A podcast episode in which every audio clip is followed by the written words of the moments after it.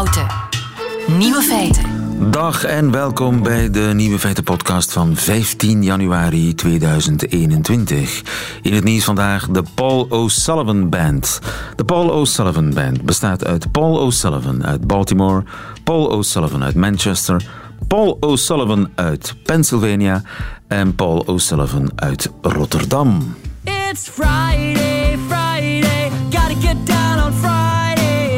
Everybody's looking forward to the weekend, weekend. Het was de Paul O'Sullivan uit Baltimore die een aantal jaren geleden met de band begon. Op een avond begon hij uit verveling vriendschapsverzoeken op Facebook uit te sturen naar naamgenoten. En tot zijn verbazing accepteerden best veel mensen zijn verzoek.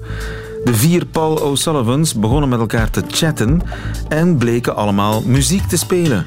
Waarom dan geen band vormen? Vorig jaar brachten ze hun eerste plaat uit. Ze waren het toch gewoon om van op afstand samen muziek te maken. Dus corona had geen enkele invloed. De Paul O'Sullivan Band dus. De andere nieuwe feiten vandaag. Leugenaars zou je kunnen ontmaskeren omdat ze uw lichaamstaal spiegelen. De Nederlandse spoorwegen pakt bepaalde conducteurs hun fluit af. Niet alleen mensen domesticeren dieren, vissen doen het ook. En Griekenland pleit voor een Europees vaccinatiepaspoort. De nieuwe feiten van Christophe van der Goor, die hoort u in zijn middagjournaal. Veel plezier. Nieuwe feiten. Volgende week bekijken de Europese leiders of de invoering van een vaccinatiepaspoort het toerisme binnen de Europese Unie makkelijker kan maken. Hendrik Vos, goedemiddag. Hey, goedemiddag, dag Steven. Het is een voorstel van de Grieken. Hè? Wat hebben de Grieken voorgesteld? De, Grieken uh, suggereren dat het een goed idee zou zijn om één Europees certificaat te hebben waar je meteen aan kan zien of uh, iemand gevaccineerd is. En dat zou dan misschien wel het toerisme kunnen helpen. Hè? Als duidelijk is van die is gevaccineerd, dan mag die het land in elk geval binnen. Maar voegen de Grieken eraan toe, als iemand zich echt niet wil laten vaccineren of uit een land komt waar de vaccinatie trager gaat, dan mag die ook wel het land binnen, maar dan zal die misschien wat uh, extra bijvoorbeeld testresultaten moeten aantonen, ja. negatieve testen en, en, en dan uh, kan het uh, toerisme ook doorgaan. Ik denk dat de Grieken vooral ja, erop uit zijn om een normaal zomerseizoen te hebben. Hè, ja, geef hen, geef hen eens ongelijk, want ja, tuurlijk. Één, één verloren zomer kunnen de Grieken misschien net aan, maar twee verloren zomers, dat is voor dat land zou dat een geweldige ramp zijn. Nog erger dan, dan veel andere landen, denk ik. Hè? Uh, ja, en, en, dat is ook de reden waarom zij er zo achter zitten en het op de agenda gezet hebben. Ook al omdat ze wat bang zijn. Stel dat straks landen elk apart met certificaten gaan zwaaien. En dan staat er daar plots iemand aan de grens met een certificaat in het Litouws of in het Bulgaars of in het Maltese. Of, of, of een beetje de vrees. En, en daar valt inderdaad veel voor te zeggen. Als elk land zo zijn eigen systeem zou hebben, dan, ja, dan gaat het weer krioelen en... en ja, 27 verschillende vaccinatiecertificaten, dat, uh, dat komt niet Precies. goed. Uh, wat dat vindt, wordt een kakofonie. Wat vindt uh, de commissie hiervan, van dat Griekse idee? Wel, de, de, commissie vindt het idee in elk geval niet gek. Hè, van als je met, met 27 aparte certificaten zou staan zwaaien, ja, dat, dat, dat, dat, wordt, ja, dat wordt onnozel. Hè. Dus het idee van we zouden zo één ja, digitaal certificaat dan moeten hebben, zoals je dat eigenlijk ook hebt voor gele koorts. Hè. Als je daartegen gevaccineerd bent, dan, dan, dan krijg je zo een soort geel boekje. En, en dan, dan is dat ook duidelijk. Hè. Eén eenvormig attest. Uh, daar valt heel veel voor te zeggen. De vraag is alleen van, krijg je dit nu nog georganiseerd terwijl dat die vaccinatiecampagne zich op gang aan het trekken is, terwijl dat sommigen al wel gevaccineerd zijn, anderen nog niet. En, en ga je dat op, op zo'n korte tijd allemaal geregeld krijgen? Dat ja. is denk ik de belangrijkste vraag. En, en hoe zou dat er kunnen uitzien? Is dat iets wat ik digitaal op mijn uh, identiteitskaart kan uh, plakken, bij wijze van spreken? Ja, maar elk land heeft een, een ander systeem van identiteitskaarten. Hè? Dus dat, dat, dat zal allemaal niet zo eenvoudig zijn. Het dus dat moet een zou wel de bedoeling zijn. Worden. Het zou wel de bedoeling zijn, dat, dat, dat zijn de ideeën die nu circuleren om er toch wel iets digitaal van te maken, maar of het dan op je identiteitskaart zal staan of dat je het kan tonen op je smartphone. En je, je voelt al meteen van, er zijn allerlei praktische obstakels, hè, want niet iedereen heeft een smartphone en, en niet alle landen hebben een identiteitskaart waarin je dat snel kan uh, inpassen. Dus je, je, je gaat onmiddellijk op, op praktische obstakels botsen. En, en daarom denk ik dat het wel eens uh, alleen al daarom lastig zou zijn om dit nu Ja. op enkele weken of maanden tijd georganiseerd te krijgen. Ja, dat is natuurlijk voor de mensen die kritisch zijn op de Europese Unie, dat is gesneden koek. hè. Want zie je wel, zelfs nu, zelfs in deze zaak, waar Europa echt zou kunnen laten zien wat het waard is, is het weer praktisch niet mogelijk en veel te groot en te log en dat lukt nooit. Ja, Nee, ja, ja dat, dat, dat, klopt. Maar, maar goed, of, misschien eh, wordt er toch ergens iets verzonnen volgende week. En, en ik denk dat men er wel eh, zal zoeken naar manieren om het snel geregeld te krijgen. De eh, vaccinatiegroepsaankoop is er eigenlijk ook ja, tegen verwachting in wel snel gekomen. De, de normale gang van zaken zou nog altijd geweest zijn dat wij elk apart bij de vaccinfabrieken zouden aankloppen op zoek naar vaccins. En, en uiteindelijk, een beetje tegen verwachting in, is men er toch in geslaagd om dat heel snel Europees te coördineren. Dus misschien lukt het ook wel met, met die va- vaccinatiecertificaten, maar ik denk dat dat toch nog wat, eh, wat, wat te vroeg is. Ook al omdat er naast de praktische problemen, ja, zijn er ook wel lidstaten die zeggen van... Ja, is- dit wel het moment om dat nu al te doen? En dat zijn dan zeker lidstaten die wat achterop dreigen te hinken met die vaccinatie. Ik hoor dat de Roemenen bijvoorbeeld al twijfelen. Ook de Fransen zijn niet super enthousiast. En ja, Omdat ze denken, de dan, van... dan vallen wij uit de boot. Ik bedoel, dan, dan gaan bij wijze van stre- bes- eh, 65-plussers uit Denemarken mogen rustig op vakantie naar Griekenland of Italië. Maar, Precies, maar je krijgt- 65-plussers in Frankrijk mogen dat niet. Dat is een politiek risico.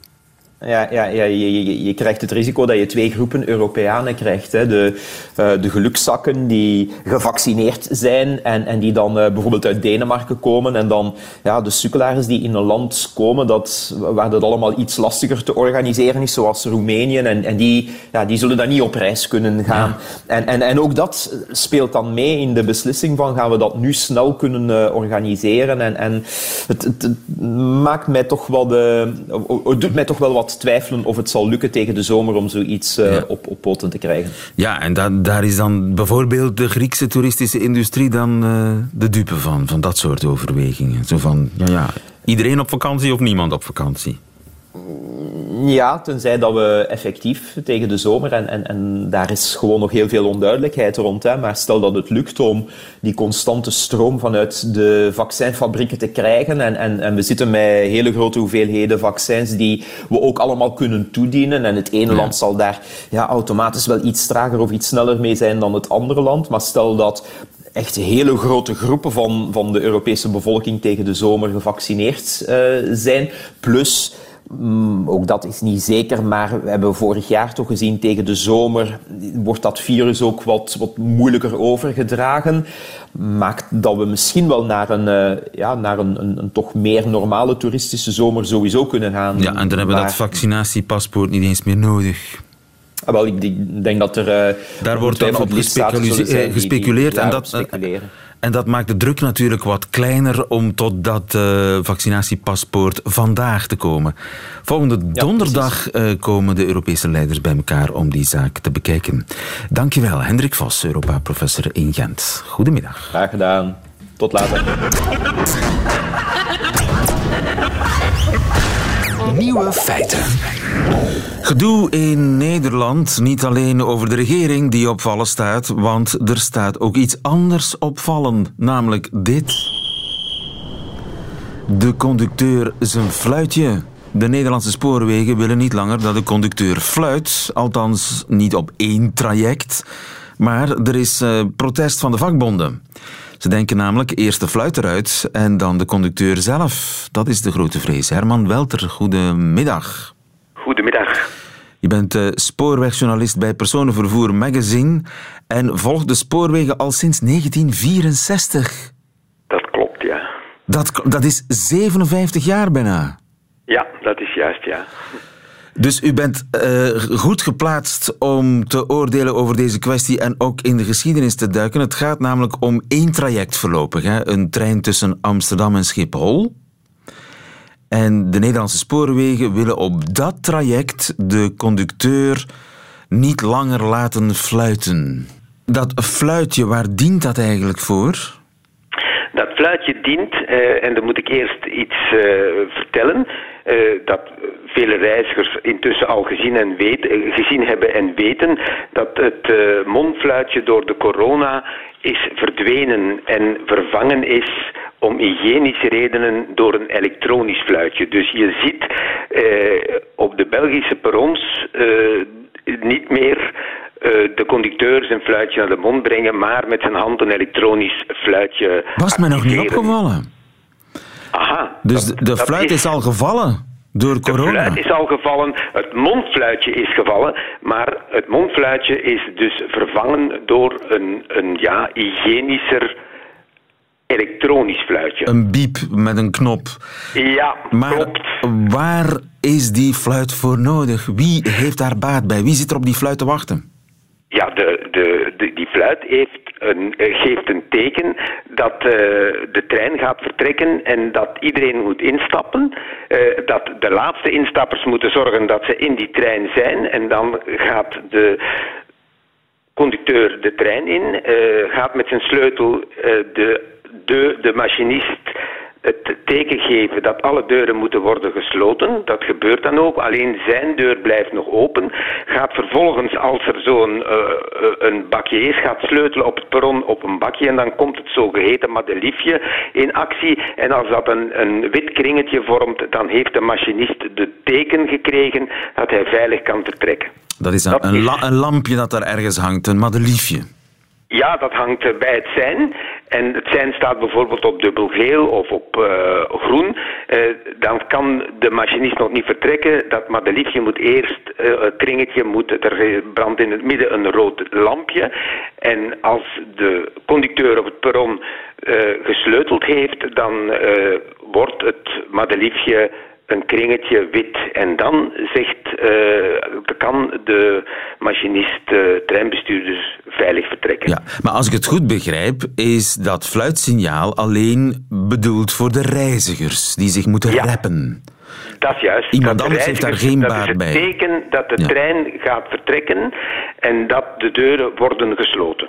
Nu, eh, niet fluiten betekent een zekere tijdwinst. Misschien zeker op zo'n een, een sneltreintje dat, dat eh, heel veel stops doet op een korte tijd. Ja, het is een winst van een paar seconden natuurlijk dat je niet fluit. Eh, maar die paar seconden bij elkaar opgeteld, ja, dat kan al gauw een paar minuten worden. Ja, kijk, een trein zonder conducteur is niet nieuw. In Zwitserland, Duitsland, Oostenrijk, Frankrijk op de voorstadslijnen, die in, in, in de Duitsstalige landen S-baan heet, in de Franstalige landen Réseau Express Regional, eh, wordt al lang, de- eh, rijden die treinen al lang zonder conducteur in alle veiligheid. De machinist heeft dus natuurlijk de apparatuur, heeft schermen om te zien of dat de deuren, of dat niemand niet meer eh, tussen die deuren zit. En eh, in de trein zijn ook camera's. Dus dat is niet nieuw. Hè. De, een trein zonder conducteur bestaat al decennia in een aantal landen.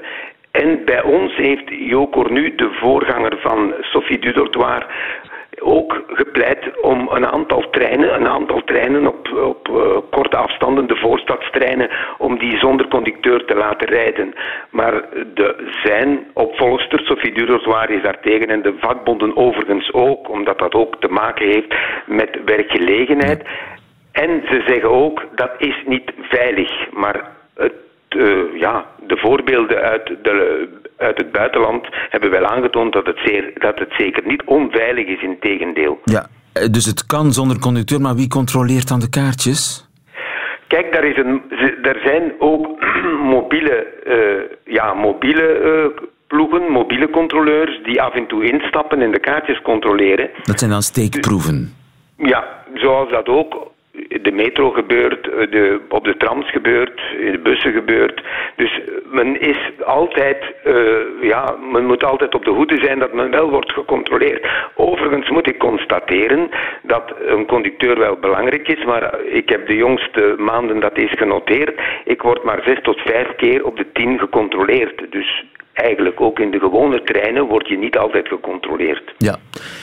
Is het fluitje en de conducteur op zijn retour? Komt er een tijd zonder? Dat denk ik voorlopig niet. Zeker in België is het niet aan de orde. En op lange afstandstreinen zal er zeker altijd een conducteur zijn, omdat die treinen heel lang zijn uh, vaak. En ook omdat uh, een lange afstandstrein niet mag vergeleken worden met een voorstadstrein. Dat zijn korte trajecten, uh, korte stops. En bij een bij een intercity of een interregio heb je wel een conducteur nodig. Maar van die voorstadtreinen, die, die je zeker in het buitenland heel erg hebt, hè, van die treinen die, die een kilometer of 40, 50 de, het achterland in, inrijden en, in, en dan allerlei pendelaars naar de, naar de hoofdstad brengen. Uh, op dat soort trajecten uh, is eigenlijk uh, een conducteur met of zonder fluitje verleden tijd dat is, zou verleden tijd moeten worden in België, ja. Maar voorlopig is daar geen sprake van. Maar het is toch wel interessant, omdat daar ook natuurlijk studies zijn over gemaakt. Britse en Europese studie. En een Brits onderzoek vijf jaar geleden heeft uitgewezen dat per miljard per miljard reizigersritten uh, er 1,17% doden en zwaar gewonden waren met, op treinen met conducteur en 0,87 op treinen zonder conducteur. Dus je kunt eigenlijk concluderen dat het niet onveilig is. Maar het betekent wel, als je dat in België zou invoeren, dat je dan ook wel uh, de nodige aanpassingen moet doen. Dan moet je in de treinen wel uh, camera's hangen. Je moet ook de stuurcabine geschikt maken voor een eenmansbediening. Eh, zoals dat in het buitenland gebeurd is. Dat is natuurlijk ook een investering.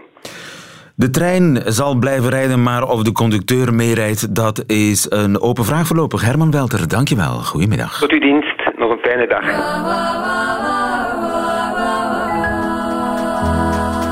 Nieuwe feiten. Hoe weet ik nu zeker of iemand zit te liegen dan wel de waarheid vertelt? Sophie van der Zee heeft een nieuwe manier gevonden om daarachter te komen. Goedemiddag, Sophie. Goedemiddag. Uh, u bent rechtspsycholoog aan de Universiteit van Rotterdam, de Erasmus Universiteit. En uh, u heeft experimenten gedaan met leugenaars. Ja, dat klopt. Ik uh, was wel eens benieuwd. We kijken als leugenonderzoekers eigenlijk altijd alleen maar naar het gedrag van de leugenaar. Um, maar wat gebeurt er nou met uh, het gedrag van degene tegen wie je liegt? Want liegen doe je natuurlijk nooit alleen. Ja, en hoe ging dat experiment dan? Of die experimenten die je gedaan hebt? Ja, nou, deze week is er een nieuw paper van ons uitgekomen. Daarin hebben we twee experimenten gedaan. Waarin eh, proefpersonen een waarheid hebben verteld. Een uh, leugen waarin ze iets ontkenden. Namelijk dat ze hadden vals gespeeld bij het oplossen van een puzzel. En waarbij ze echt een verhaal moesten verzinnen. Namelijk dat ze een spel Cluedo hadden gespeeld met een andere proefpersoon. Uh, een deel van die proefpersonen vertelde het verhaal uh, wat ze dus niet hadden meegemaakt, het verzonnen verhaal in gewone volgorde en de helft in omgekeerde volgorde. Oei, en dat dus hebben we expres gedaan omdat dat moeilijk is. Ja, dat omgekeerd vertellen is nog moeilijker, liegen. Ja. Zeg maar, maar je hebt dus proefpersonen de opdracht gegeven om te liegen. Het waren geen mensen die wilden liegen, het waren mensen die nou, moesten liegen in opdracht. Ze wisten niet dat ze van tevoren dat ze meededen met een leugen-experiment. Het zat er deze keer een beetje tussenin. Dus ik heb ze gevraagd om voor mij te liegen om te zorgen dat ik niet in de problemen zou komen. Dat is echt slecht. Ja, zeker. En iedereen was heel bereid om voor mij te liegen, wat dan wel weer prettig was. Dus mensen zijn heel erg bereid om voor jou te liegen. Als je zegt van ja, dit is een wetenschappelijk experiment. Ik uh, kan mijn, basis, mijn baan verliezen. Help mij mee dit uh, experiment te vervalsen. En mensen waren allemaal bereid ja. om dat te doen. Dat vind ik op zich al Zeker. een, nou ja, fel resultaat. Ik, ik deed Ik, de, dus zij hebben zelf vals gespeeld. We hadden, uh, dat was ook nog een beetje een, opgezet natuurlijk. Dus uh, ze dachten dat ze met een andere proefpersoon aan het praten waren en de puzzel aan het oplossen waren. Maar eigenlijk was dat mijn onderzoeksassistent. Dus als je meedoet aan psychologisch onderzoek, vertrouw het nooit. Getver. Um, ja, sorry. en um, samen hebben ze dus vals gespeeld. Hebben ze die puzzel opgelost omdat ik ergens in de kamer de oplossing had laten liggen. En uh, toen kwam ik op een gegeven moment binnen en had ik iets van, oeh, heb je die oplossing gebruikt? Oh, nou, uh, oeps, mijn schuld, had ik hier niet moeten laten liggen. Tuurlijk heb je die gebruikt, geen probleem. En dan later zeg ik, ja, maar wacht even. Straks word je gevraagd uh, in een interview over hoe je die puzzel hebt opgelost. Maar ja, vind je het heel erg om dan niet te zeggen dat je hebt vals gespeeld, want dan kom ik misschien in de problemen. Want ik heb hem laten liggen. Nou, en iedereen wilde wel even voor me liegen om te zorgen dat ik niet in de problemen zou komen. Oké, okay, dus dat is, al een, een, uh, dat is al een fel resultaat. Maar eigenlijk ging het je daar niet om. Je ging, het ging erom om te zien of je mensen kunt zien liegen. Ja, nou ja, eigenlijk vooral om of de, de dynamiek tussen degene die liegt en degene tegen wie je liegt, of die ook verandert op het moment dat je liegt. Dus we kijken eigenlijk altijd alleen maar naar het gedrag van de leugenaar. Uh, en nu was ik wel eens benieuwd, omdat je altijd liegt tegen iemand, je hebt altijd publiek. Ja. Uh, wat, en heb je dan, wat gebeurt er? Uh, gefilmd of sensoren geplaatst? Of hoe heb je dat gedaan? nou, het, toevallig allebei. Maar het, de analyses hebben we gedaan op basis van motion capture sensoren. En dat zijn eigenlijk van die sensoren die ook in bijvoorbeeld je telefoon en je smartwatch zitten. En die hebben we geplaatst op verschillende lichaamsdelen, op de, de polsen, het hoofd en de buik. En dan zowel van degene die moest liegen als van de interviewer. En vervolgens hebben we geprobeerd om die twee ja, datastromen om die aan elkaar te koppelen en te kijken hoe moeilijk dat was. Dus Aha. hoeveel stappen moest je zetten om die, die datastromen aan elkaar te kunnen koppelen. En hoe, hoe minder stappen, dus hoe dichter ze bij elkaar zaten of hoe meer data op elkaar leek, hoe meer coördinatie of hoe meer spiegelgedrag tussen die twee mensen. Ja, en wat blijkt? Ja, het is super interessant. Het blijkt dat als je liegt, dat je elkaar meer gaat spiegelen dan als je de waarheid spreekt. En dat dit effect steeds sterker werd naarmate de leugen moeilijker werd. Dus we weten dat iets ontkennen of iets verzwijgen, dat dat makkelijker is dan een heel verhaal verzinnen. En een verhaal verzinnen is weer makkelijker als je dat in gewone volgorde kan doen, dan als je het in omgekeerde volgorde moet gaan vertellen. En dus, dus hoe moeilijker het liegen, hoe meer het gedrag ja. gespiegeld werd. Ja, ja. En wat ja, betekent dat concreet? Iemand schuift met zijn voet, de ander schuift ook met zijn voet. Ja, nou precies dat. Iemand maakt rare bewegingen met zijn handen, die ander doet het ook.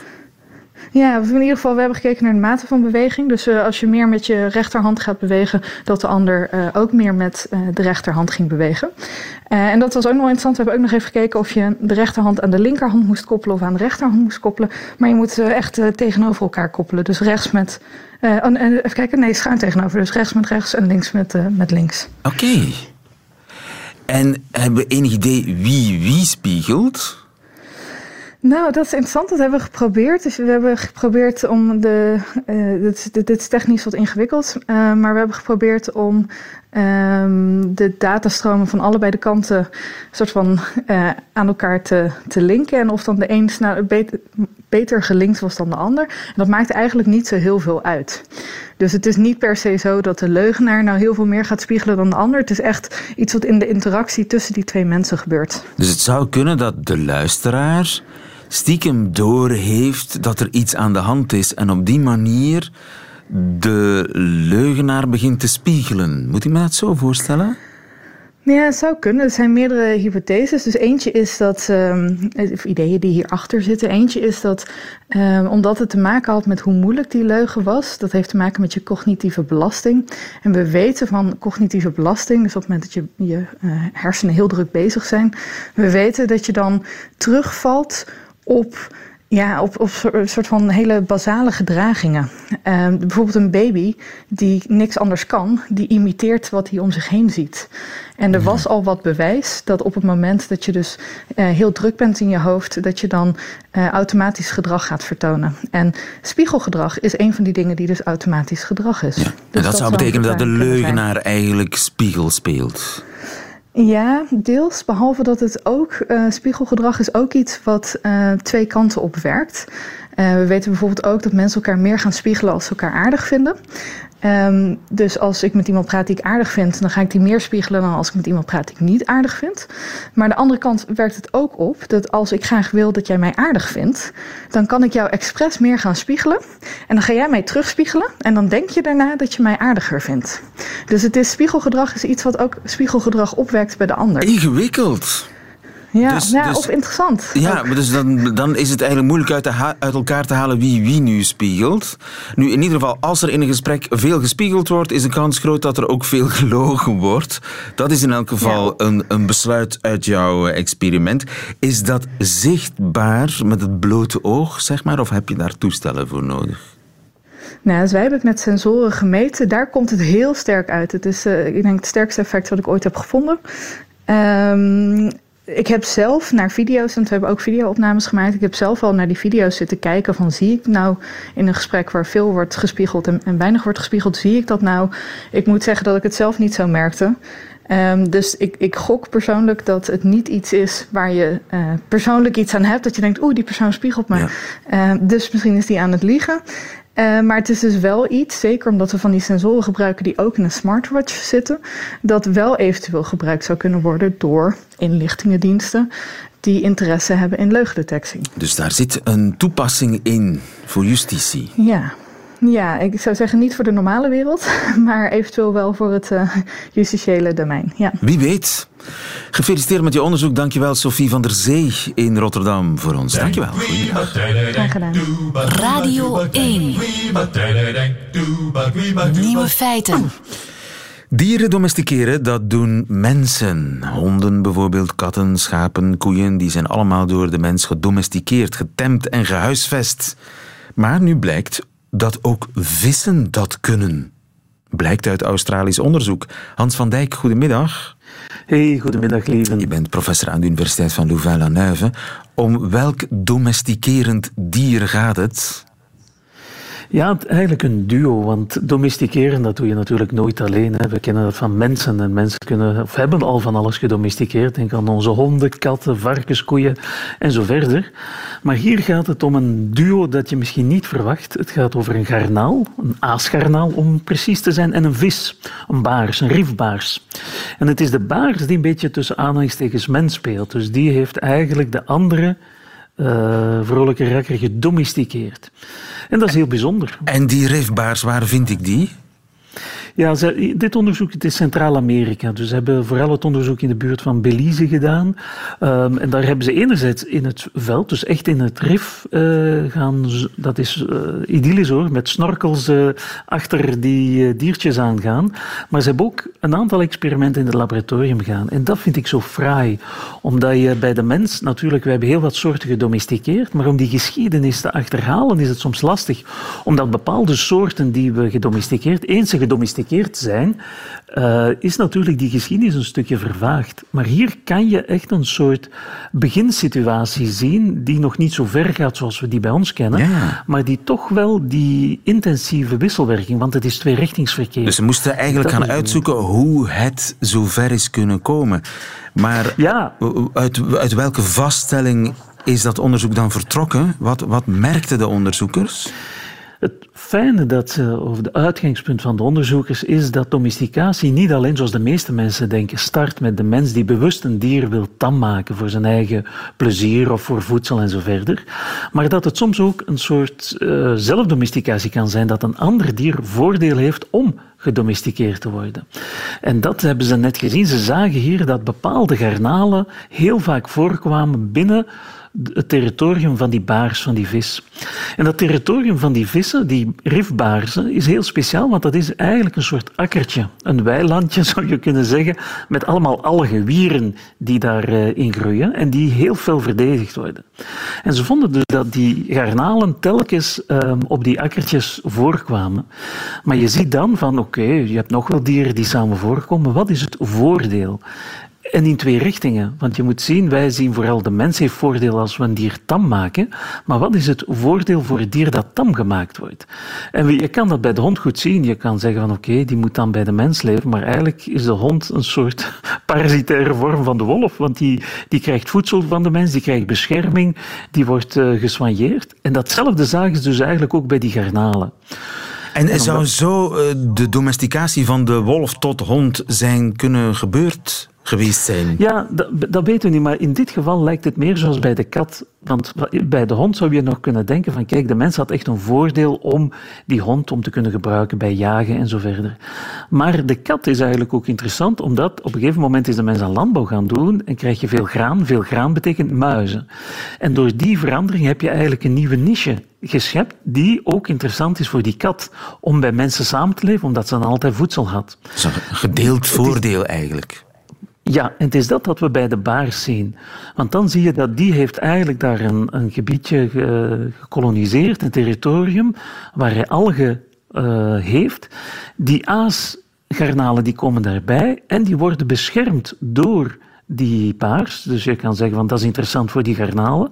Dat hebben ze getest met experimenten, mooie experimenten. Ze hebben bijvoorbeeld die garnaaltjes in een plastic zak gestoken en dan in het territorium met en zonder paarzen gaan aanbieden om te kijken of ze meer of minder worden aangevallen. Het is heel uh, creatief onderzoek. En dan zie je dat wanneer die garnalen leven bij de baars, worden ze minder aangevallen door andere vissen. Die baars zou die zelf kunnen opeten, maar dat doet hij dus zelden of nooit. Hij beschermt ze, hij koestert ze en daar zijn goede reden voor. Die hebben ze ook kunnen achterhalen. Het is echt een kosten-batenanalyse. Want de kosten zal ik even nog op ingaan. Die vis beschermt die garnalen en dat kost heel veel tijd. Want je ziet, als ze die garnalen hebben op een plekje, gaan ze veel meer tijd besteden aan die te beschermen. En dat is tijd die ze niet kunnen besteden om zelf te eten dan denk je van oei, een kost, dan moet de conditie van die vis achteruit boeren, maar niks is minder waar. En dus alle predatoren van die garnaal die worden weggejaagd door die baars? Ja, dus hij heeft daar een soort uh, enemy-free wereldje. Dus hij heeft, dat is wat overdreven, want soms lukt het niet altijd. Maar hij heeft daar eigenlijk een plek waar dat hij veel veiliger is dan op een andere plaats. Oké. Maar maar bovendien... Wat krijgt hij daarvoor in ruil? Ja, voilà, voor wat hoort wat. En dat werkt ook in die systemen van dominica, uh, domesticatie. Domesticatie had ook gekund. Ja, had ook gekund, maar daar zijn we nu nog niet aan toe. Uh, wat je ziet is dat de garnaal zelf als een soort bemester werkt. Men heeft dat ook heel mooi experimenteel nagegaan. En je ziet als daar, want het is niet één, het is een hele kudde van die garnaaltjes die beschermd op het territorium leven. Die produceren natuurlijk uitwerpselen. En uh, met, daar zit fosfor en ammonium en allerlei stoffen in, die prima meststoffen zijn voor de algen. Dus eigenlijk beschermt de vis een soort bemester die de algen goed doet groeien in zijn territorium. En het zijn de algen die de vis opeet. Het is echt een soort tripartiet. Je hebt de vis, de algen, de, de algen die als voedsel dienen, maar de garnaal versterkt die relatie ja, ja. in ruil voor die bescherming. Dus de, de garnaal als een soort van huisdier van de reefbaars.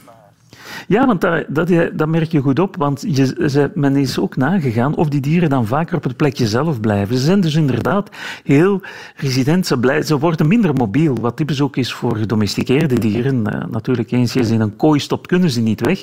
Maar hier heb je die, die zelfdomesticatie. De dieren gaan veel vaker op de plek zelf blijven generatie na generatie, want die garnalen krijgen nakomelingen. Die nakomelingen zijn ook minder geneigd om te vertrekken.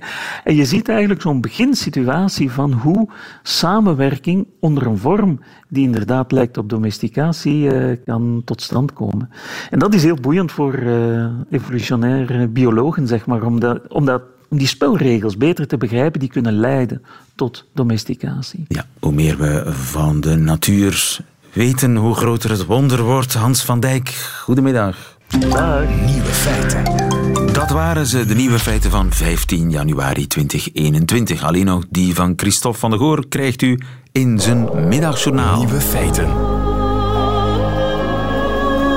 Middagjournaal. Goedemiddag.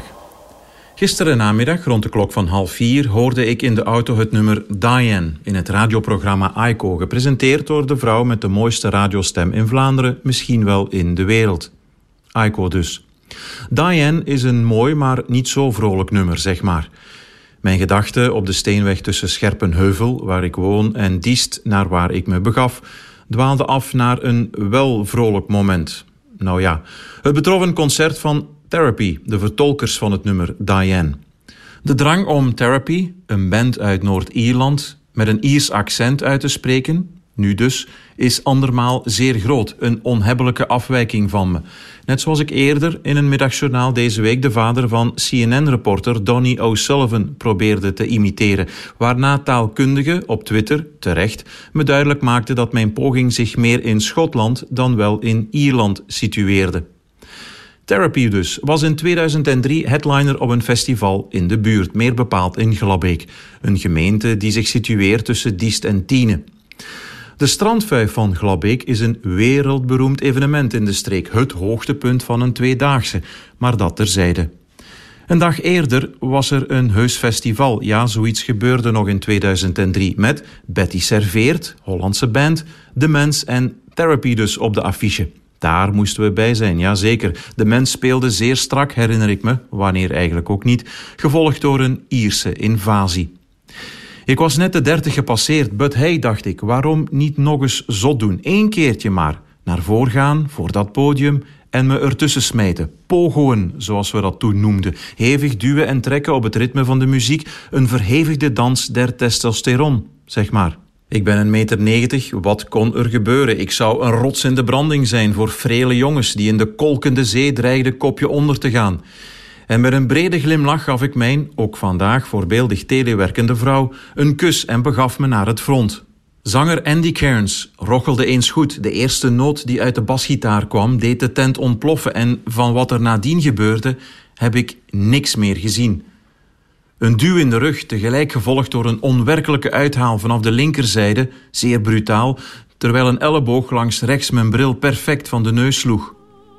Half groggy, na amper twintig seconden, I kid you not, kroop ik, een man van een meter negentig, op de knieën in een feesttent in Glabbeek over de houten vloer op zoek naar mijn brilletje. Het ging allemaal veel te snel om me de lul van het jaar te voelen, tot plots een freel jongetje van 16 half beschermend voor me kwam staan en zei: Is deze bril van u, meneer? Aiko kondigde de plaat af en ik merkte dat de verkeerslichten al enkele seconden op groen stonden. In gedachten was ik nog altijd aan het zoeken.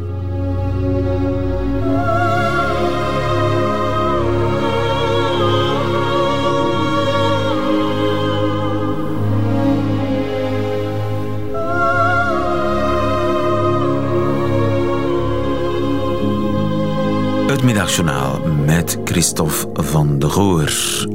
Einde van deze podcast. Hoort u liever de volledige uitzending van Nieuwe Feiten? Dat kan natuurlijk ook via de website van Radio 1 of via de Radio 1 app, waar u overigens nog veel meer fijne podcasts terugvindt. Tot een volgende keer.